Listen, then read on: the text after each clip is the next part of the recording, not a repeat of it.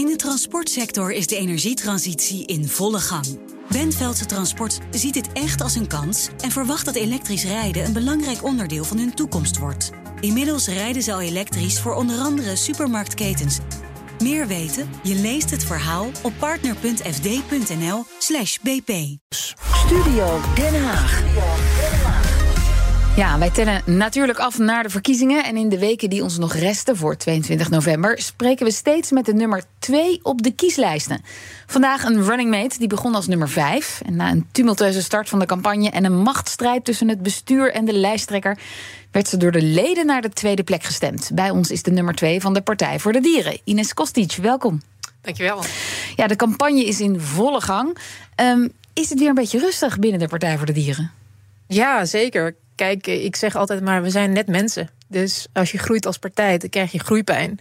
En soms heb je dat mensen oneenigheid krijgen. Maar de partij is super stabiel. Uh, we hebben meer leden dan de VVD. Nog steeds. Uh, en we groeien nog steeds in de peilingen. Dus ja, maar niet zoals de VVD. dat nog niet. Maar je ziet wel dat uh, nou, ten eerste dus de kiezers vertrouwen in ons hebben, want we groeien nog steeds. En de leden hebben heel veel vertrouwen in ons, want we hebben heel veel actieve leden. Dus meer leden, actieve leden dan het VVD. Ja, maar groeipijnen, die, die, die komen soms weer terug en die duren wel eventjes. Nogmaals, we zijn mensen. En soms heb je gewoon onderling wat uh, oneenigheid. Maar gelukkig heb je dan een goede structuur binnen de partij. Dat je dan gewoon netjes oplost. Ja. Wel leuk dat uh, iemand van Partij voor de Dieren tot twee keer toe zegt: we zijn, uh, we zijn net mensen. Ja, goed hè? ik was er ook verbaasd. Ik was ook even geschrokken dat wij ook zulke mensenproblemen hebben. Maar ja, soms gebeurt nou, dat. U bent al helemaal in de volle campagnemodus. Ik hoor het. Bij ons is ook politiek verslaggever Leonard Beekman. Leonard, goedemiddag. Goedemiddag, Liesbeth en Kees. Wat zie je eigenlijk terug in de peilingen? Heeft die tumultueuze zomer schade toegebracht aan de Partij voor de Dieren? Ja, ik ben het niet helemaal eens met mevrouw Kostic. Want uh, in de peilingen zie je toch echt wel terug dat het iets minder goed gaat dan bijvoorbeeld de eerste helft van het afgelopen jaar. Tot na de, de zomer. Ja, er stond de Partij voor de Dieren af en toe wel op 10, 11 zetels. Ja, dat is toch een flink, flinke winst. Mm -hmm. En nu schommelt het tussen de 6, 7 zetels. Dus ja, wel een winst ten opzichte van 2,5 jaar geleden bij de vorige verkiezingen. Maar in de peilingen is het toch echt wel eens wat beter gegaan. Ja, dat doet toch een beetje pijn. Nou, voor mij niet ja, hoor. dat moet pijn doen. ja. maar u bent als statenlid voor de Partij voor de Dieren in Noord-Holland. Wat was het moment dat u dacht, ik ga de politiek in? Ik ga de politiek in. Nou, het moment dat ik erachter kwam dat de Partij voor de Dieren een partij is die daadwerkelijk doet wat ze zeggen. Ik wilde nooit de politiek in, omdat ik zag dat uiteindelijk al die partijen aan de onderhandelingstafel te veel uh, water bij de wijn doen, zodat er geen goede wijn meer overbleef. En we hebben gewoon enorm grote problemen die we moeten fixen. En als je dat te veel doet, ja, dan ga je problemen alleen maar opstapelen. En er was toen nog geen echte partij die dat uh, goed regelde. En uh, toen ik uiteindelijk ook voorbij de naam voor de Partij voor de Dieren durfde te, te kijken. Want dat vond je niks? Nee, dat vond dat niks? Nee. nee, ik was een van de vele mensen die dachten: ja, Partij voor de Dieren, waar gaat het eigenlijk over? Heel lang verhaal kort. Mijn katten hebben mijn ogen daarvoor geopend. En ja. Wat, wat, wat, zeiden die katten dan? Nou, die, nee. Uh, mijn vriend, ik had ook niks met dieren. Ja, dit uh, wordt steeds oh, erger. Ja. Goed verhaal, ja. Precies. Um, maar wel heel veel met rechtvaardigheid, mensenrechten, et cetera. Mijn, mijn vriendin zei: ja, laten we twee katten nemen uit het asiel. Ik wilde eerst niet, maar uiteindelijk hebben we ze genomen. En die harten hebben binnen twee weken, die katten hebben binnen twee weken mijn hart veroverd. Mm. Mensen uh, weten thuis hoe dat gaat met uh, huisdieren. Ik analyseerde ze eigenlijk en dacht, nou, dat zijn individuen. Ze, ze hebben allemaal eigen karakters. En uh, op die manier bedacht ik me van, goh, ik gun deze wezens het beste van de wereld waarom gun ik dan niet hetzelfde aan al die andere dieren die ik alleen maar op mijn bord zie? Nou. Dat was puur filosofische vraag. En toen durfde ik ook naar de Partij voor de Dieren programma te kijken. En toen dacht ik, maar dit is zo breed. Dit is echt een visie wat totaal ontbreekt in de politiek. Op lange termijn niet steeds bezig nog. met verschillende uh, verkiezingen, maar gewoon een visie voor meerdere generaties. Nou ja, volgens de peilingen uh, dan uh, bent u verzekerd van een plek in de Kamer. Als, als dat ook uiteindelijk uitkomt. Dan uh, direct even vooruitkijkend. Waar mogen u dan over vier jaar over afrekenen? wat, wat heeft u dan gedaan? Ja, nou, ik heb in ieder geval um, vastgehouden aan wat in ons verkiezingsprogramma staat. Als het gaat om het oplossen van een klimaat- en natuurcrisis. Um, en dan gaat het specifiek over dat we het geld dat er nu al is, dat we dat gewoon veel slimmer moeten gaan besteden.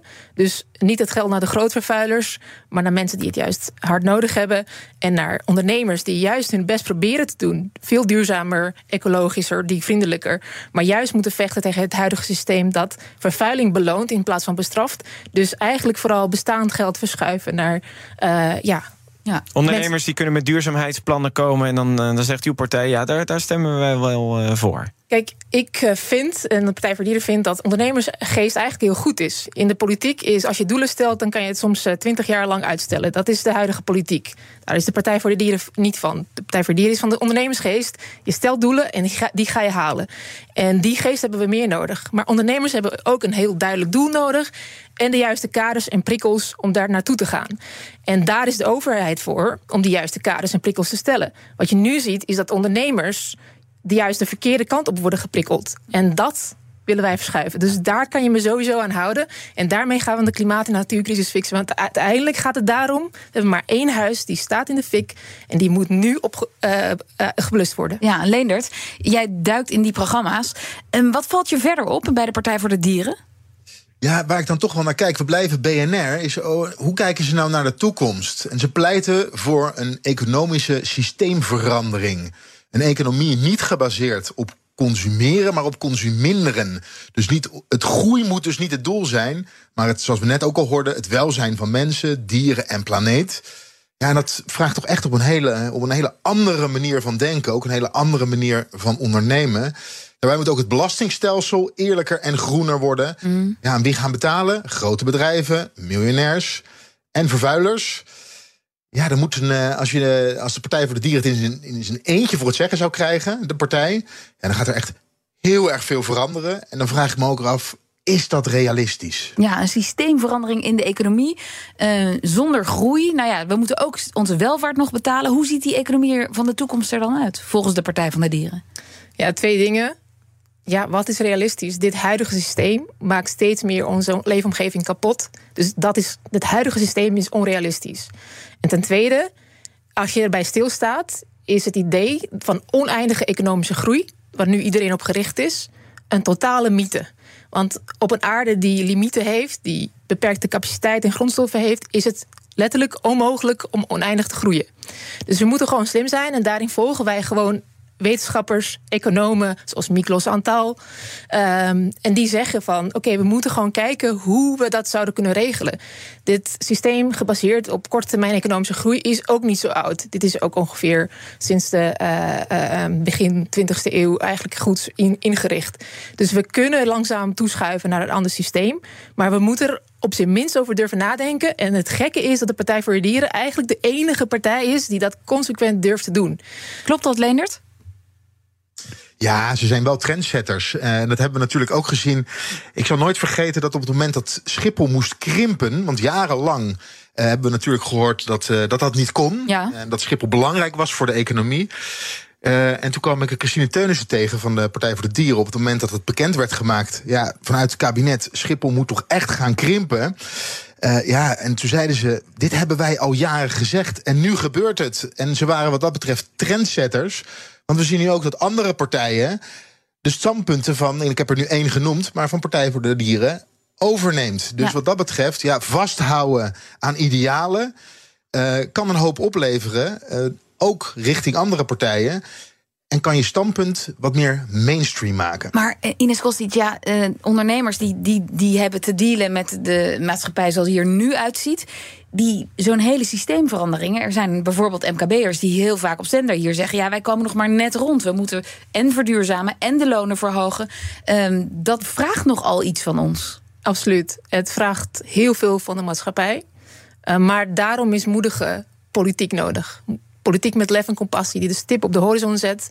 Uh, die wel de bedrijven en burgers meehelpt om die kant op te gaan. Maar je moet wel die stip op de horizon zetten.